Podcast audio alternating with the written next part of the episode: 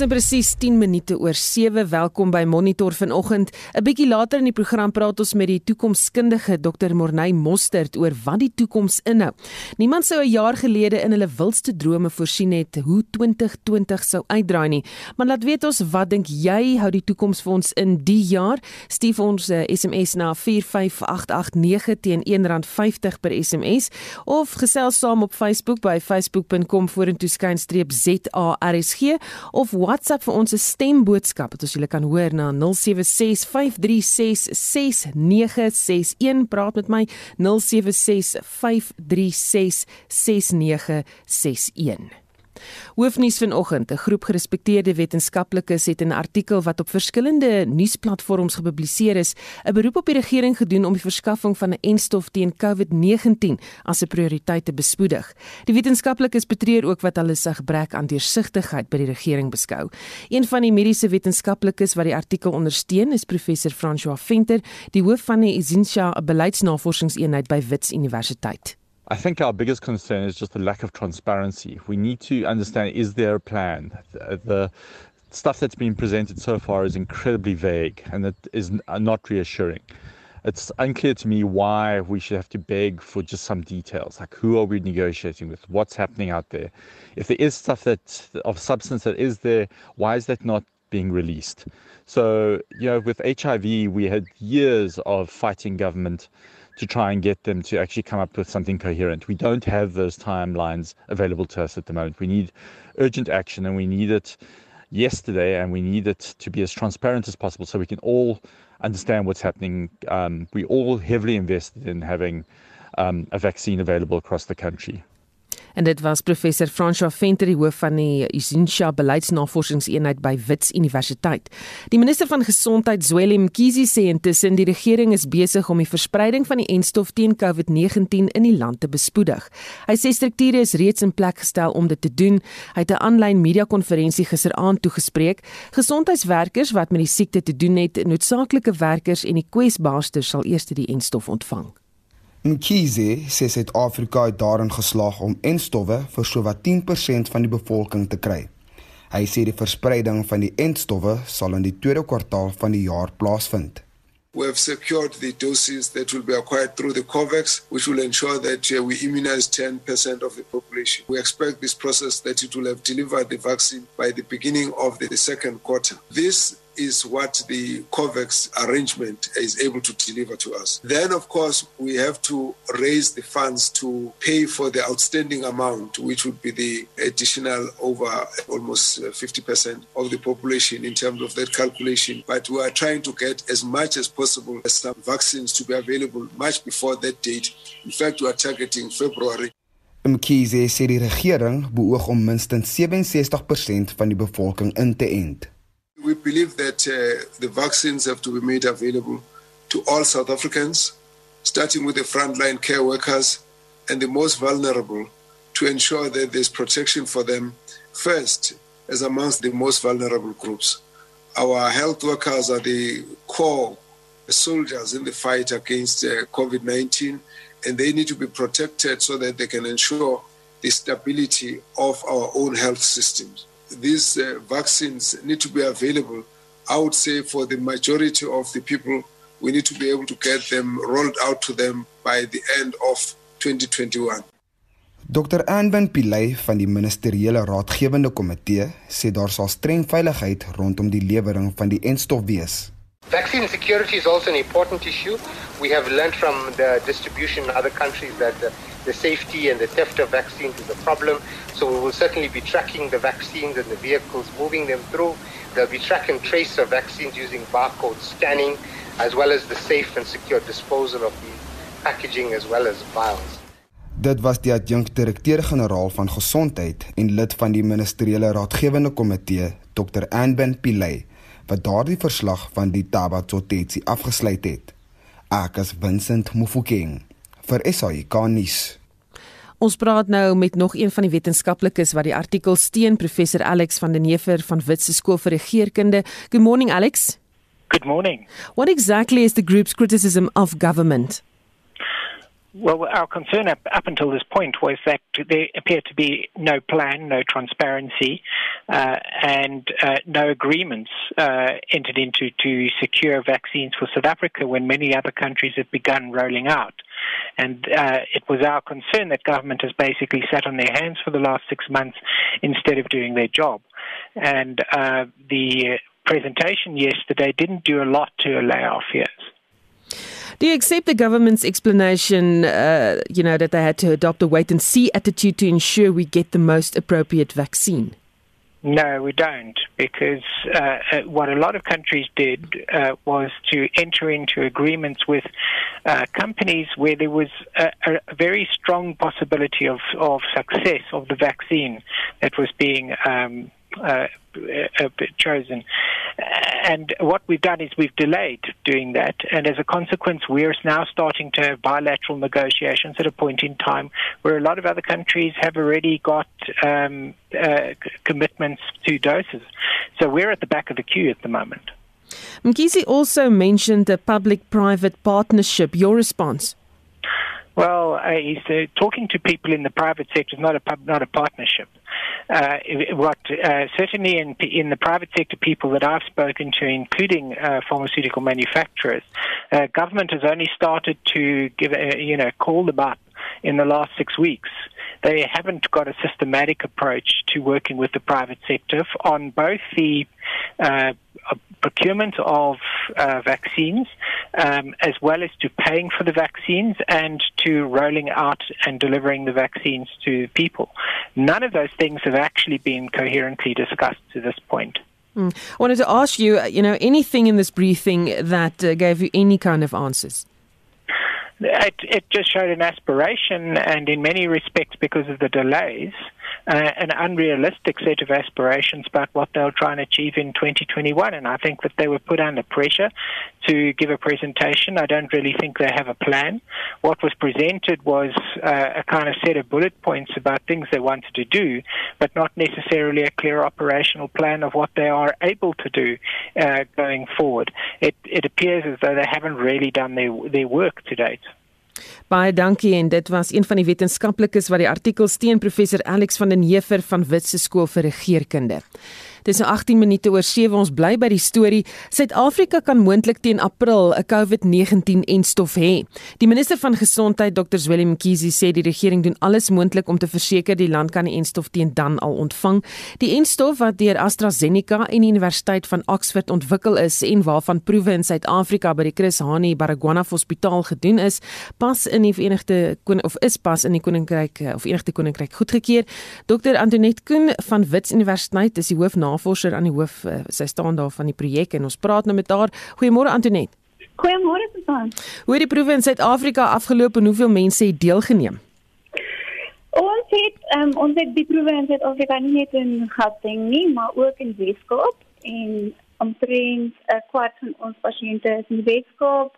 En totaal het ons net oor 2000 pasiënte almal op hierdie stadium het reeds beide hulle dosisse van die vaksin ontvang. Dit is dis 'n twee dosis skedule en almal is nou in opvolgfase wat vir 12 maande is om langtermyn veiligheid vas te Het jy enige terugslag beleef?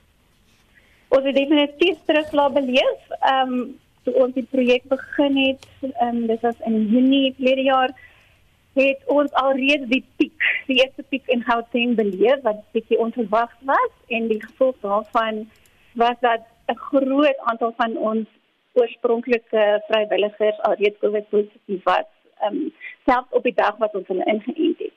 So weens dit moet ons ons steekproef getal 'n bietjie vergroot, dit het ehm um, bietjie vertraging veroorsaak, maar ons is nou daardeur, ons het die ekstra ehm um, vrywilligers reeds op ons studie. Dit uh, dit was die groot terugslag verder. Ehm um, natuurlik daar's baie groot media belangstelling wêreldwyd in hierdie instowwe wat mens kan verstaan. So enigiets wat gebeur op jou studies is onmiddellik in die media. Ehm um, wat ek hierna verwys is die veiligheid van die vaksin. Daar was die geval in die Verenigde Koninkryk van iemand wat siek geword het wat op die meeste studies gebeur en ehm um, meeste studies wat oordentlik gedoen word sal indien daar so 'n veiligheidsepisode is eers staak en niemand sal weet daarvan nie. Die evaluasie sal sal gedoen word en hulle sal voortgaan. So dit was net bietjie anders in hierdie geval omdat dit so 'n media um, ophef van gemaak is. Maar dit is goed, want meer mense moet ingelig wees en hulle moet weet wees van die prosesse wat gevolg word. En hulle moet ook weet dat die regte veiligheidsprosesse dit gevolg is. Van dit is belangrik. Hmm. Ja, ons effe aan geraak, maar was daar enige neeweffekte wat mense gekry het nadat dit toegedien is? Daar is verseker neeweffekte. Kyk ons ons kan jou neeweffekte opdeel in wat ons noem 'n plaaslike reaksie. Dit kan nou wees op jou arm waar jy ingeënt word waar mense 'n tipe hipersensitiwiteitsreaksie kry. Jy kan dit vergelyk met 'n groter gemuskietbyt, so 'n rooi, jekkerige gevoel op jou arm. Dan kry mense ook sistemiese neeweffekte. Die algemeenste ehm um, wat van gekla word is hoofpyn. Dit was nogal algemeen. Spier- en gewrigspyn is ook algemeen. Ehm um, diarree en 'n gebrek aan eetlus is minder algemeen, maar maar mense het ook gekla daarvan. En dan 'n paar gevalle van duiseligheid wat mense genoem het. Ehm um, en ook laaggraadse koors, maar belangrik om net te noem dat in al hierdie gevalle is die neeweffekte self beperkend. Miskien 'n bietjie parasetamol wat nodig was om om om beter te voel, maar dit is gewoonlik van korte duur binne 2 tot 3 dae is dit almal weer Dis reeds vir gebruik in die Verenigde Koninkryk goedgekeur. Dink jy dit is moontlik dat dit vir gebruik in Suid-Afrika oorweeg sal word veral omdat uh, jy weet julle betrokke was? Ek glo dit sal verseker um, in Suid-Afrika op die oomblik is dit die beste kandidaat vir Suid-Afrika. Die rede hiervoor is ehm um, eerstens die bergingstoestande van hierdie vaksin wat by gewone 2 tot 8 grade Celsius is. Dit is nie soos die Pfizer en Moderna vaksines wat teen minus 70 grade gestoor word wat nie moontlik is nie. Ehm um, en dan ook as mens kyk na die koste van die vaksin. Ehm um, dit kom teen 'n tiende van die prys van die Pfizer vaksin. Die die Oxford vaksin gaan teen tot 3.4 dollar per dosis beskikbaar wees. As mens kyk na die Moderna is dit 30 dollar as ek korrek is en die Pfizer 20 dollar. So dit is 'n fraksie van die koste van die ander. Sommige mense is skrikkerig om die COVID-19-enstof te ontvang. Waarmee presies word 'n mens ingeënt? Die COVID-enstof is wat ons noem 'n vektorvaksin. So, ehm um, as as jy dink aan malaria, dan is die muskiet die vektor wat vir jou malaria gee. So by by hierdie vaksin gebruik ons 'n ander virus wat 'n adenovirus genoem word. En hierdie virus is van chimpansees afkomstig. Dis hoekom die vaksin die, die chimp adenovirus um, vaksin genoem word. So wat is 'n adenovirus? Dit is 'n virus wat vir jou verkoue simptome gee. So wat hulle gedoen het met hierdie adenovirus is, is hy is geneties gemanipuleer. Ehm um, en hoe is hy gemanipuleer? Hulle het gemaak dat hy nie kan voortplant nie. So dat hy kan nie repliseer nie. So as 'n virus nie kan repliseer nie, kan hy nie siekte veroorsaak nie. Dan wat hulle gedoen het, is hulle het 'n stukkie van die die S-proteïen van die COVID virus. Dit is die die stikkeltjies wat mense op die oppervlak van die virus sien. Hulle het 'n stukkie van daardie proteïen gevat en binne in die adenovirus geplaas. Ehm um, sodat jy nog steeds jou adenovirus het, maar jy het 'n stukkie van die genetika van die COVID van die COVID virus. Want natuurlik moet jou liggaam blootgestel word aan die COVID virus. Wat dan gebeur is hy sien hierdie estrogen en hy vervaardig teen liggame teen estrogen. En indien jou liggaam daardie teen liggame het, beteken dit die COVID um, virus kan homself nie heg in jou liggaam waar hy siekte veroorsaak nie en met antwoorde jy, jy kan nie siek word daarvan nie. So ja, dit is in 'n sekere sin 'n lewendige vaksin en wat ek weet mense is baie onseker oor moet hulle die vaksin kry of nie want hulle sê hulle word siek as hulle 'n vaksin ontvang. En uh, dit was dokter Antoinette Koen van die Wits Universiteit wat die hoofnavorser is van die COVID-19 AstraZeneca Oxford Universiteit projek by die Chris Hani Baragwanath Hospitaal. Is nou tyd vir die jongste sportuitslae hier Shaun Jooste. Op die cricketveld het die tweede en laaste toets van die reeks tussen die Proteas en Sri Lanka gisteroggend op die Wanderers in Johannesburg afgeslaan. Suid-Afrika het die dag op 148 vir 1 in hulle eerste beurt geëindig nadat hulle Sri Lanka vir net 157 lopies uitgeboonder het. Onthou gerus dat Pieter van den Berg vir kommentaar en verslag gedurende die toets sorg. Die tweede en laaste toets van die reeks tussen Nieu-Seeland en Pakistan het ook gisteroggend begin. Pakistan is gister reeds vir 297 in hulle eerste beurt uitgehaal. In die naweek se Curriebeeker aksie het die Pumas 33-25 teen die Lions en die Vrystaat 31-29 teen die WP verloor. Die Haie het Griquas met 47-19 afgeronsel. Shaun Schuster, SAK Sport. Bly ingeskakel na 7:30 het ons nog sportnuus met Pieter van der Berg. Nadat die COVID-19 pandemie die wêreld in 2020 onderste bo gekeer het, is mense in die algemeen skie om nuwejaarsvoornemens te maak. Ons praat nou met die toekomskundige Dr. Morney Moster, direkteur van die Instituut vir Toekomsnavorsing aan die Universiteit Stellenbosch. Goeiemôre Morney. Goeiemôre. Julle as toekomskundiges maak nie noodwendig nuwejaarsvoornemens nie, maar julle hou ook nie van voorspellings waag nie. Hoe so?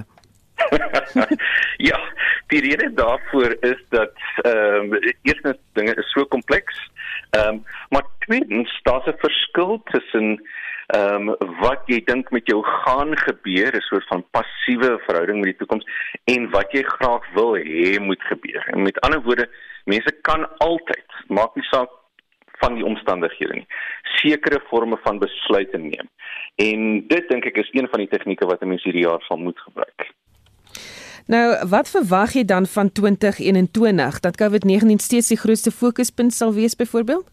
Beslis vir die vir die kort tot medium termyn. Ehm um, maar ek ek dink dit is dit is tog belangrik dat mense gaan kyk waar kan jy wel 'n paar syne kry. En een van die maniere uh, waarop mense dit sou kon doen is om te gaan kyk na waar mense in hulle lewensfases 'n uh, 'n oorbrugging doen. En en jong mense is 'n baie goeie indikasie hiervan.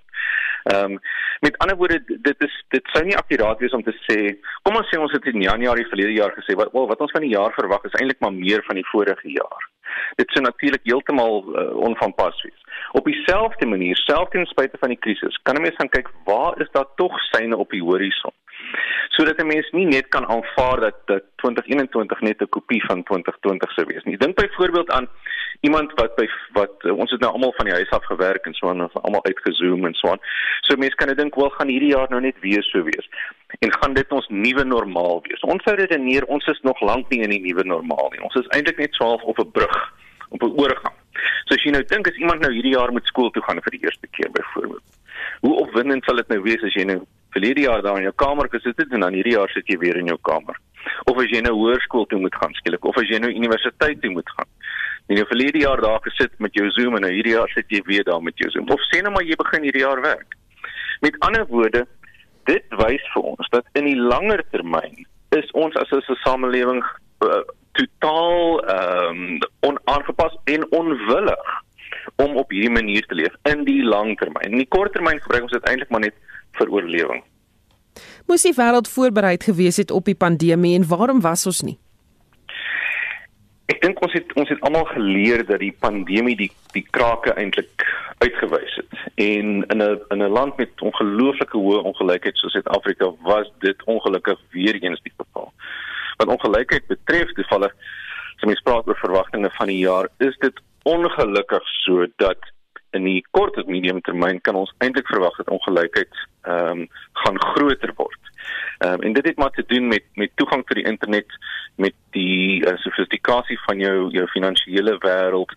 Ehm um, dis toevallig ook so dat dat verskillende mense uh, verskillende behoeftes het natuurlik vir vir kantoorlewe of of skoollewe.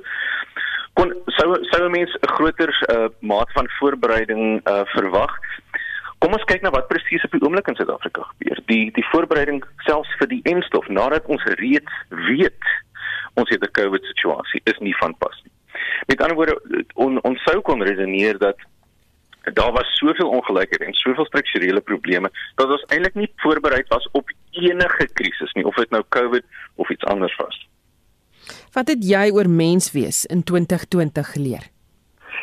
Ek het eh, 'n uh, soort van blinde geloof in my medemens dat ons uh, dat ons kreatief is en dat ons sosiale kreature is. Dit is eintlik een van die redes hoekom die mens as 'n spesies oor 350 000 jaar die leiding geneem het. Ons kan nou debatteer oor hoe goed ons daarmee was. Maar ons is sosiale kreature. Ons wil eintlik tussen ander mense wees en ons is dan ook inherent kreatief. Ons het die vermoë om uh kreatief om te gaan met ons probleme en ek dink dit dit hou vir ons baie uh, positiewe resultate en daar is natuurlik negatiewe faktore. Maar ek dink ons het die vermoë as 'n spesies om hierdie ding net soos talle ander probleme in ons 350 000 jaar geskiedenis die hoof te bied en met kreatiewe oplossings vorentoe te kom wat ons gaan wat gaan veroorsaak dat ons nie net oorleef nie maar ons stel belang om te floreer. En ek glo um, ons sal met oplossings opkom. Gaan ons dit doen in die kort termyn? Ehm um, ek dink ons het ons het 'n rukkie van van moeilikheid voor ons. Daar is groot uh dink ek verwagtinge vir die jaar dat dat dit nog duidelik gaan word wat die skade wel was, veral met betrekking tot geestesgesondheid. Ehm um, ek dink ons het groot uitdagings wat die klimaat betref, byvoorbeeld uh, COVID is nie ons enigste uitdaging nie. Ehm um, en ek dink ons ons moet ons moet versigtig wees dat die feit dat Zoom en Teams en so aan ons laat oorleef het vir 'n rukkie is eintlik 'n soort van wat ons soms verwys na 'n uh, 'n vliegtyg wat sweef sonder petrol. Hier dink ons het ons het nou hierdie ding reg gekry. Ons kan nou op Zoom ons voortbestaan voer. Eintlik wat gebeur is jy sit nog daar in eerste klas, jy's besig om te sweef. Daar is nie meer petrol nie, maar dit voel vir jou min of meer dieselfde. So ek dink ons is 'n spesies met geweldige innovasie. En as ons die vernuf wat ons ontwikkel het om met mekaar te koppel verder ontwikkel, kan ons hierdie ding nie hoof bied. Net so 'n laaste laaste vraag indien jy insette of 'n inset vir president Ramaphosa kan gee vir sy staatsrede, wat sal dit wees? Ons uh, ek, ek dink ons is almal so bietjie moeg vir die vir die vlak van intensie waarop daar gepraat word en ons soek eintlik nou 'n bietjie meer praktiese planne. So ten spyte van die ehm uh, die soort van onsekerheid en kompleksiteit waarmee ons alles eh uh, waarmee ons almal doen het, wil ons eintlik hoor dat ehm um, daar is eh uh, daar is 'n professionele plan waaraan gewerk word en dit sal eintlik 'n uitsondering wees uh vir die regering om operasionele uh uitmuntendheid uh, tentoon te stel dit dink ek sal baie positief wees. En dan, hoekom gebruik ons nie sommer die geleentheid om te sê dat ons graag 'n kohesiewe samelewing wil bou nie en dat ons van 'n bietjie van hierdie ongelykheid wil ontslaa raak ehm um, en in rasverhoudinge ehm um, kan kyk wat ons daarmee kan doen terwyl ons hierdie ding saam aanpas. Een van sy groot uitdagings gaan wees die reaksie van die Unies. Ons het gesê dit gaan gebeur omtrent in in Maart van hierdie jaar um, in een van die eerste publikasies oor COVID in die wêreld en ek dink dit gaan een van sy groot uitdagings wees um, en daarmee wens ons om te En dit was Dr Morney Mostert, 'n toekomskundige van die Universiteit Stellenbosch en ook 'n lid van die klub van Rome, uitgesoekte groep internasionale strategiese denkers.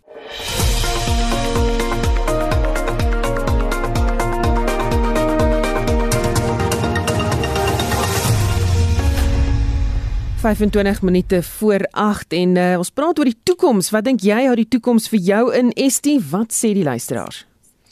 Renay Skool sê niemand weet nie leef van dag tot dag. En Wilbur Harris skryf die sleutel van hoop met die menslikheid sosiaal-maatskaplike geregtigheid is in ons eie hande. Dit hang af watter deur jy wil oopsluit. Pieter Petersen laat weet leef elke dag asof dit jou laaste is want enige iets is moontlik in tye soos nou. En Rita Groenewald sê Januarie 2020 was ek die positiefste vrou vir die jaar. Ek het my dierbare moeder verloor en ook my werk en my selfbeeld. Ek is neutraal wat hierdie jaar betref. En dan sê Bossie Bosman, ek is versigtig optimisties. Al wat ek weet is dat daar geen meer waarborge in die lewe is nie. Soos Susan gesê het, ons vra vandag vir jou, wat dink jy hou die toekoms vir ons in? Stuur vir ons 'n SMS by 4588910 R1.50 per SMS.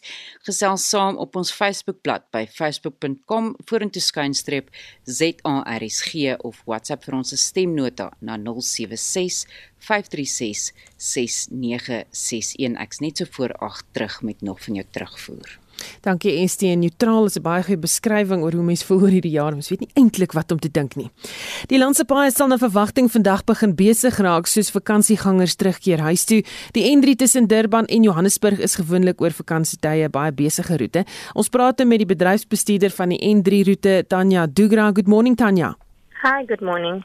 So what does the route like uh, look like this morning in comparison to yesterday and Saturday?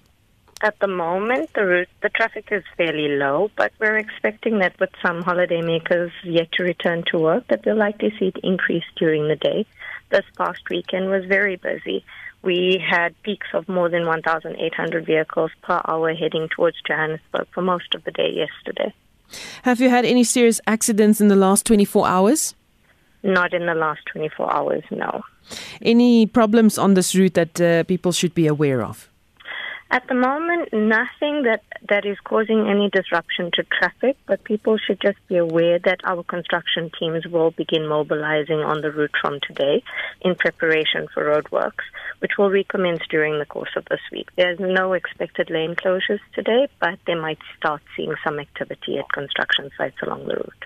Baie dankie dit was Tanya Dugra sy is die N3 tolroete se bedryfsbestuurder. Ons praat nou met die Wes-Kaapse kommunikasiehoof eh, Jandrey Bakker oor die verkeer in die provinsie. Goeiemôre Jandrey. Môre Susan. Hoe besig is die verkeer in en uit die Wes-Kaap in vergelyking met die naweek? Uh hoewel verkeersvolumes toegeneem het, was dit nie op die vlakke wat ons vorige jare gehad het nie. Ons het veral laer volumes ehm um, met die heropening met later heropening van skole verwag. Ons spekuleer dat mense bietjie later kan vakansie neem, maar die aangepaste inperkingsvlak 3 het definitief 'n impak gehad op verkeer. Daar was veral laer verkeersvolumes na ons na een van ons tradisionele kusbestemmings, uh, maar openbare vervoergetalle oor, oor ons provinsiale grense blyk redelik gelyk te wees met verlede jaar. Ons moet onthou dat ver, openbare vervoer slegs 70% van hulle gelisensieerde kapasiteit mag vervoer op ritte langer as 2 ure. So jy moet dieselfde of jy moet meer voertuie hê om dieselfde hoeveelheid mense te vervoer. Was daar enige ernstige ongelukke? Op hierdie stadium kan ons en ons hou baie duim vyf duim as dit die geval bly, het ons slegs nou een groot een gehad op 1 Januarie waarby twee taksies en 'n vragmotor betrokke was en 8 mense gesterf het, maar die res is is in die soos die Engelsman sê touch wood, um, nog redelik stil. Eerbiedig padverbruikers die reëls?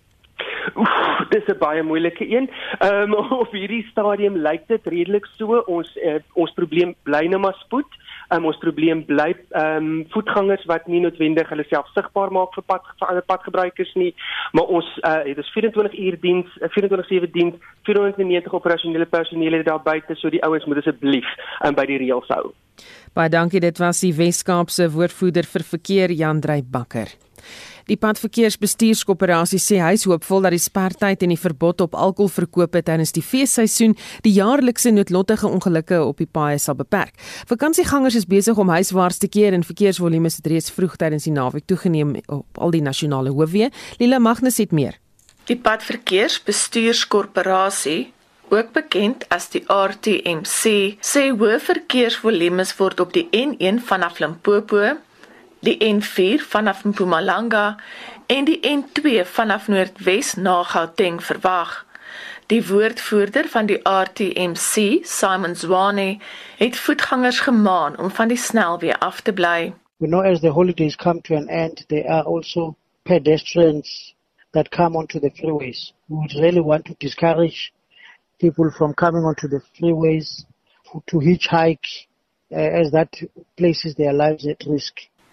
Motoriste is gevra om by die spoedbeperkings te hou en die verkeersreëls te gehoorsaam, aangesien verkeersbeamptes in ongemerkte voertuie op al die hoofweë ontplooi is. Traffic officers are still on the road, they're still monitoring the roads, sometimes in unmarked cars, so everyone anyone who drives at high speed overtakes on barrier lines will be caught and they will be dealt with. Zwane sê meer as 6000 voertuie is op beslag geneem omdat dit onpadwaardig was en meer as 3500 mense is in hegtenis geneem. Hy sê hulle hoop die verbod op die verkoop van alkohol en die feit dat motoriste nie tussen 9 in die aand en 6 in die oggend mag bestuur nie, ongelukke sal voorkom. Ek is Lila Magnus vir SAK nuus in Pretoria. Die eerste naweek van die nuwe jaar se sportbyeenkomste is iets van die verlede en Pieter van der Berg gereed met 'n opsomming. Goeiemôre Pieter. Môre sê Susan. Die uh, drie Karibeker rugbywedstryde is die naweek afgehandel. Watter spanne was aan die wenkant? Ja, daar in Bloemfontein het 'n strafskop in die laaste minuut aan die besoekende span die WP oorwinning van 31-29 oor die Vrystaat besorg. Dan in Durban het die Haie 'n bonuspunt oorwinning behaal en 7-3 gedruk teen die Griekwas, die eindtelling 47-19 en in Nelspruit het elke span 3-3 gedruk, maar die besoekende Lions was baas met 33-25 oor die Pumas. Op die huidige punteleer is die WP voor met 35, die uh, Bulle het ook 35 maar na 10 wedstryde, die Lions en die Haie het beide 33 punte, wat beteken dat die Vrystaat, die Pumas en die Griekwas, hulle kan nie meer die halffinale nie. En die volgende Karibieke wedstryd word dan komende Woensdag tussen die Bulle en die Lions in Pretoria gespeel. Op die cricketveld word die tweede toets tussen Suid-Afrika en Sri Lanka op die Wanderers in Johannesburg gespeel en daar's ook ander internasionale cricket. Ja, Sri Lanka het gister die lood gewen, besluit om eers te kolf en hulle kon net 157 lopies aanteken. Kusal Pereira het die meeste bygedra, 60 lopies en Andre Gnorke, hy het 6 paaltjies plat getrek vir net 56. Dis die beste van sy loopbaan en Wian Mulder het 3 paaltjies vir 25 geneem. Suid-Afrika het die dag afgesluit op 148 vir 1. Dit beteken ons is net 9 lopies agter Sri Lanka en Dean Elgar, hy sal voorkolf op 92 vandag en Rassie van der Dussen, hy sal voorkolf op 40. Spel begin vanoggend om 10:00 en RSG sal gereeld hier op die Wanderers 'n draai kom maak vir die jongste nuus. En dan op die toetsveld eh, daar in New Zealand, is dit in New Zealand wat gister vir Pakistan vir 297 uitgehaal het. Die tweede dag staan einde se kant toe en New Zealand is so 'n paar minute gelede op 286 vir 3. Dit beteken hulle is net 11 lopies agter Pakistan se totaal. Die Dakar tydren het Saterdag begin en daar's steeds 'n groot getal deelnemers wat aan die moordende tydren deelneem. Wat is die jongste dag? Ja, dis die 43ste Dakar tydren. Nou gister in die motorafdeling was daar 64 motors in aksie. Carlos Sainz, die verdedigende kampioen, het daar die eerste skof gewen. Suid-Afrikaans is Neil de Villiers. Hy was 8ste in sy Toyota. Dan in die motorfietsafdeling is daar 101 deelnemers. Die eerste skof is deur Toby Price ingepan. Vandag se skof is 'n 500 nee, 685 km lank. Daar is 'n spesiale skof van 457 km. Gisterand was daar twee sokkerwedstryde in die Engelse Premier Liga afgehandel en môre is daar ook weer aksie hier in Suid-Afrika. Ja, Susan gisterand se uitslaa, Man City het 'n wegoorwinning van 3-1 oor Chelsea behaal en Leicester City klop vir Newcastle United met 2-1. Vanaand speel Southampton teen Liverpool en dan môre is daar vier wedstryde in DStv se plaaslike Premier Liga. Dit sluit onder meer in Stellenbosch teen Chakuma en Golden Arrows teen Black Leopards. Baie dankie, dit was ons sportkorrespondent Pieter van der Berg. Die president van Boland Rugby, Ivan Pekeer, is verlede week te ruste gelê nadat hy aan 'n hartaanval dood is. Hy was in die onlangse verlede onder geweldige druk oor sy bestuurstyl en die Unie se geldsaake. Die historikus Dr Hendrik Snyders onthou hom egter as 'n vriend en vir kwaliteite wat dalk minder bekend is. Snyder sê hy het bekeer leer ken as die eertydse bestuurder van Klub Rugby by Boland en tydens sy eie termyn as 'n uitvoerende bestuurslid van die Unie. Bekeer het sy rugby tande gesluit by sy plaaslike rugbyklub Montetjie Villages. Ivan Bekeer was 'n vreeslose vegter vir die vooruitgang en gelyke behandeling van plattelandse klubs. Hy het 'n besondere liefde gehad vir wat destyds bekend was as plaasklubs en hy het al sy tyd en energie bestee om toe te sien dat klub rugby in die diep platteland veral rondom plase op dieselfde vlak gebring word as die van dorpsklubs en dat hulle dieselfde regte en voorregte sou hê as die dorpsgebaseerde klubs. Snyders onthou bekeer ook as onder meer 'n speler van formaat, 'n skeieregter en oud skoolhoof en dan ook vir sy rol in die bestuur van oorgangsstelsels onder meer in rugby en plaaslike regering. Die stelsel van SARU Federasie tot SARFU en SARU, die oorgang tussen die apartheid munisipaliteit tot die nuwe demokratiese munisipaliteit, maar ook 'n man wat sy merk in die onderwys gelaat. Nog 'n bekende Kaapse rugbypersoonlikheid wat pas weens COVID afgesterf het, is die oud Saru speler William Croy. Ja, William Croy, alom bekend as Balla, het ek leer ken as 'n opponent op die rugbyveld toe hy eerstens vir Lovenians Rugby Club in Vredenburg gespeel het, later vir Saldanha Marines, maar ek het ook gespeel onder sy kapteinskap van die Weskus Rugby Unie voor eenwording en na rugby eenwording. Benewens sy leierskap as kaptein van Weskus, as kaptein van WP Platland, het het Ballakrooi ook sy merk gemaak as 'n provinsiale speler vir die Universiteit Weskaapland Tygerberg se rugby unie en geniet hy die onderskeiding dat die spanne wat hy gelei het en die spanne waarvoor hy gespeel het, het van die die grootste titels in nierassige rugby gewen. In 82 was hy deel van die suksesvolle Tygerberg wenspan wat die SA beker gewen het en in 1980 word sy WP platlandspan die laaste houer van die Rhodes trofee van die Suid-Afrikaanse Rugby Unie vooreenwording.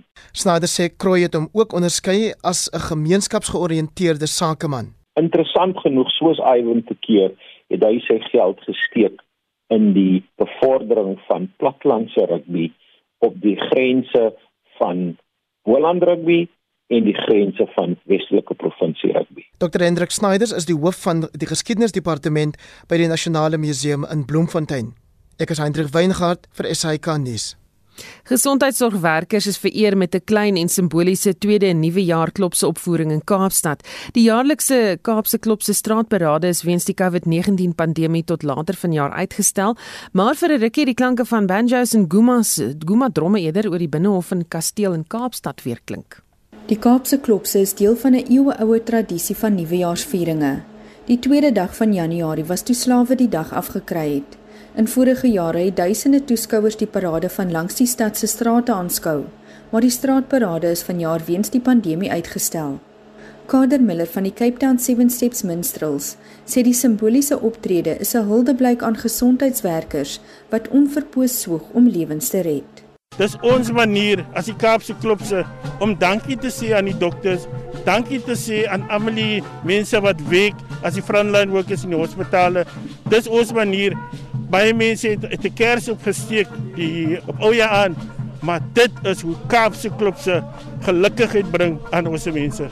Die erfenis kultuur en opvoeding bestuurder by die kasteel de goeie hoop Sonwabile Matribengula sê hoewel die parade gewoonlik 'n jolige gebeurtenis is is dit ook 'n herinnering aan die afskuwelike praktyk van slawerny en kolonialisme en die belangrikheid van gedeelde erfenis. The balcony that they are performing next to is where all the important announcements were made, such as the abolition of slavery in 1834. So it is important for us to give the message that a message of hope and also freedom from oppression. Een van die klopse, Shadley Basardin, sê dis nie net deel van hul kultuur nie, maar ook 'n familietradisie. My oom was in die uh in die Kaapse klopse ingewies. En toe wil ek maar altyd pad gewees het van my oom het my saamgebring een keer en vanaf daai tyd ons praat nou miskien miskien 15 17 jaar gelede het ek weer omgedraai nie. Tot ek nou so so te sê in die nasionale span van hierdie uh, tradisie en kultuur be, behoort het wat nou al soveel jare ook al oorsee gegaan het. Die jaarlikse straatparade is voorlopig tot 16 Junie uitgestel. Hierdie verslag is saamgestel deur Vanessa Puna in Kaapstad. Ek is Tanya Krause op George 10 minute voor 8. President Cyril Ramaphosa het in sy nuwejaarsboodskap donderdag onder meer 'n beroep op eensgesindheid onder Suid-Afrikaners gedoen en ook gemaan dat hierdie jaar 'n moeilike een sal wees in 'n groot mate weens die COVID-19 pandemie.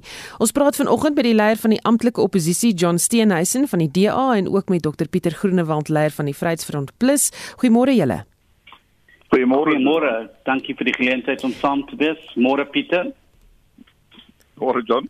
Die minister van Gesondheid, Willem Kiese, het gisteraand 'n nuuskonferensie oor die verskaffing van 'n enstof aan Suid-Afrika toegespreek. Wat is julle reaksie daarop, John? Jy kan begin. Ek dink ons het uh, uh planne gehoor, maar ons het nie 'n strategie gesien uh, vir die enstoffe in Suid-Afrika uh te kry so gou as moontlik. En dis 'n groot probleem. Ander lande het verlede jaar begin om die enstowwe uh, te kry vir vir hulle um, lande uh, en dis lande soos uh, Costa Rica, uh, Colombia, Chili en en ander ander lande wat dieselfde finansiële posisie as Suid-Afrika is. Hulle het nou die in, die instof. Hulle het alreeds begin vir hulle mense. Jonas oh, like vir my daar's 'n probleem. Uh, Pieter, dalk as jy wil voortgaan, wat is jou reaksie? Wel in die eerste plek wil ek sê dat ons het nie behoorlike deursigtigheid in terme van die proses gehad nie. En die president sê baie dinge. As ons kyk in die verlede, hy het altyd mooi woorde, maar op die einde van die dag is wat gebeur in die praktyk. As ons gaan kyk byvoorbeeld die Suid-Afrikaanse Mediese Vereniging, dan is dit baie duidelik dat daar groot gebreke is in werklike beplanning wat betref die departement van gesondheid. Praat nou hierso spesifiek wat die enstof betref, maar die ander probleem is dat daar's groot krisisse en byvoorbeeld dat daar al in September maand was daar gewaarsku dat daar 'n tekort van suurstof kan ontstaan in ons hospitale, dat daar personeeltekort is in terme van ons mediese sektor. Daar was gevra om sekere poste wat gevries was dan beskikbaar te stel sodat daar genoeg personeel is wat wel hierdie hele situasie kan hanteer. Maar weer eens, die regering sê hy kyk daarna, maar in die praktyk vind ons 'n ander prentjie wat dit betref. En dit is 'n groot probleem. Dit het tyd geword dat Cyril Ramaphosa ophou om te praat van wat ons almal graag wil hoor en dit tot uitvoer te bring dat ons kan sien dat daar is resultate. John Steenhuisen van die DA het intussen weer by ons aangesluit lyn nou daar geval het. John, dalk kan jy net vir ons jou gedagtes klaarmaak. Ja, ek ek dink dat um, ons het 'n plan nou nodig die DA het gister 'n 6-punt plan op die tafel gesit wat ons uh, ons dan kan uh, die situasie beter maak.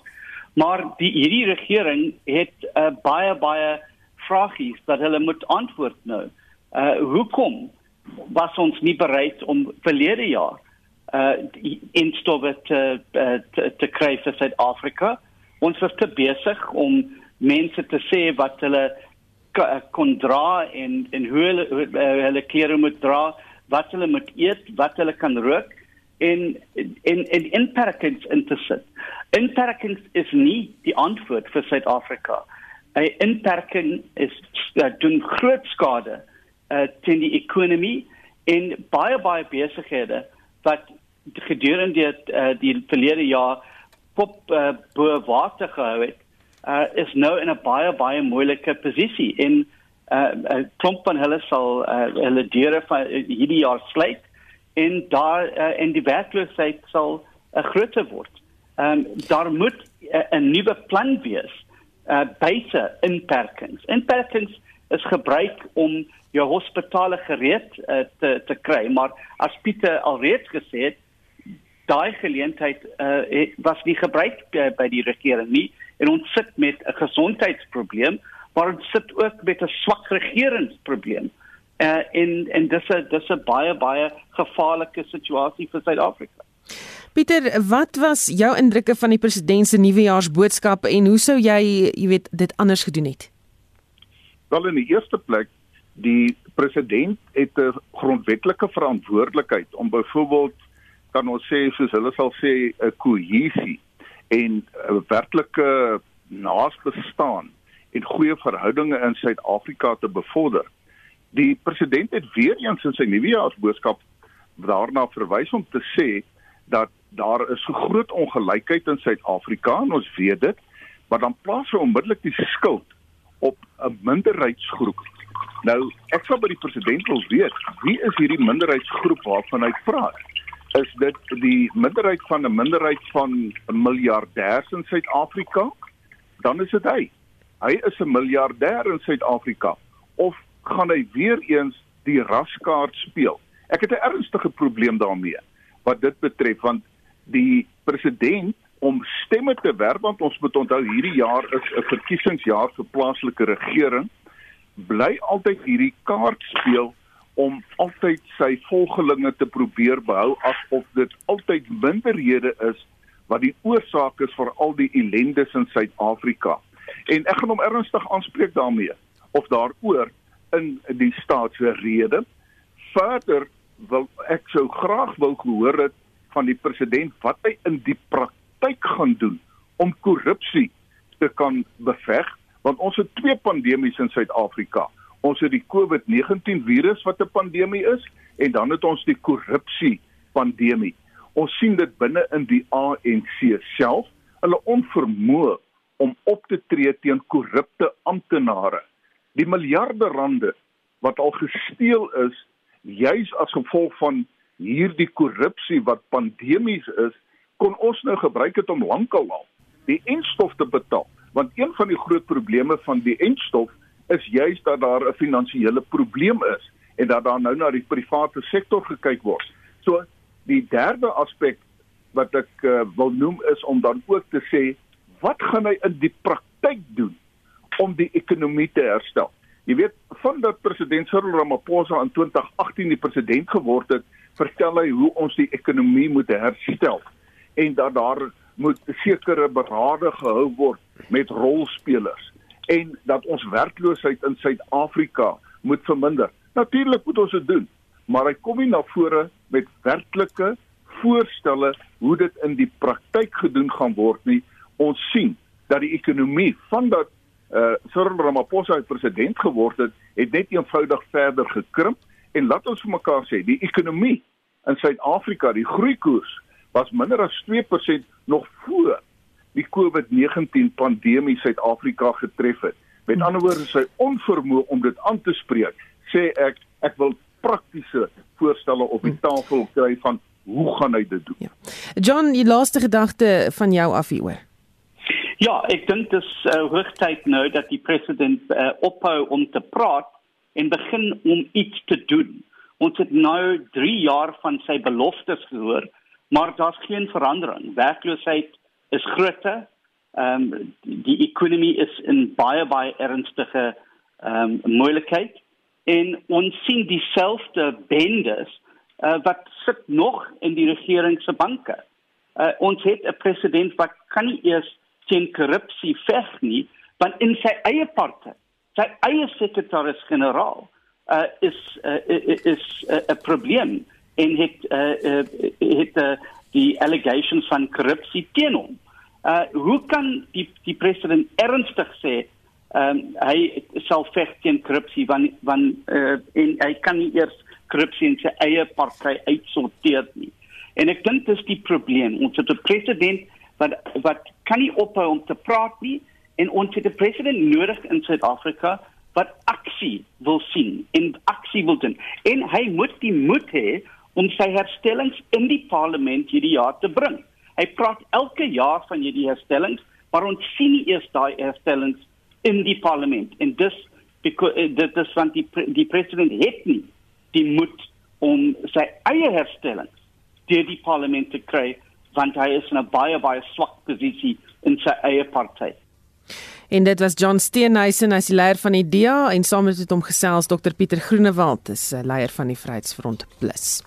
daarmee groet die monitor span. My naam is Susan Paxton. Môreoggend is ons weer terug. Geniet jou 'n dag in die geselskap van RSG.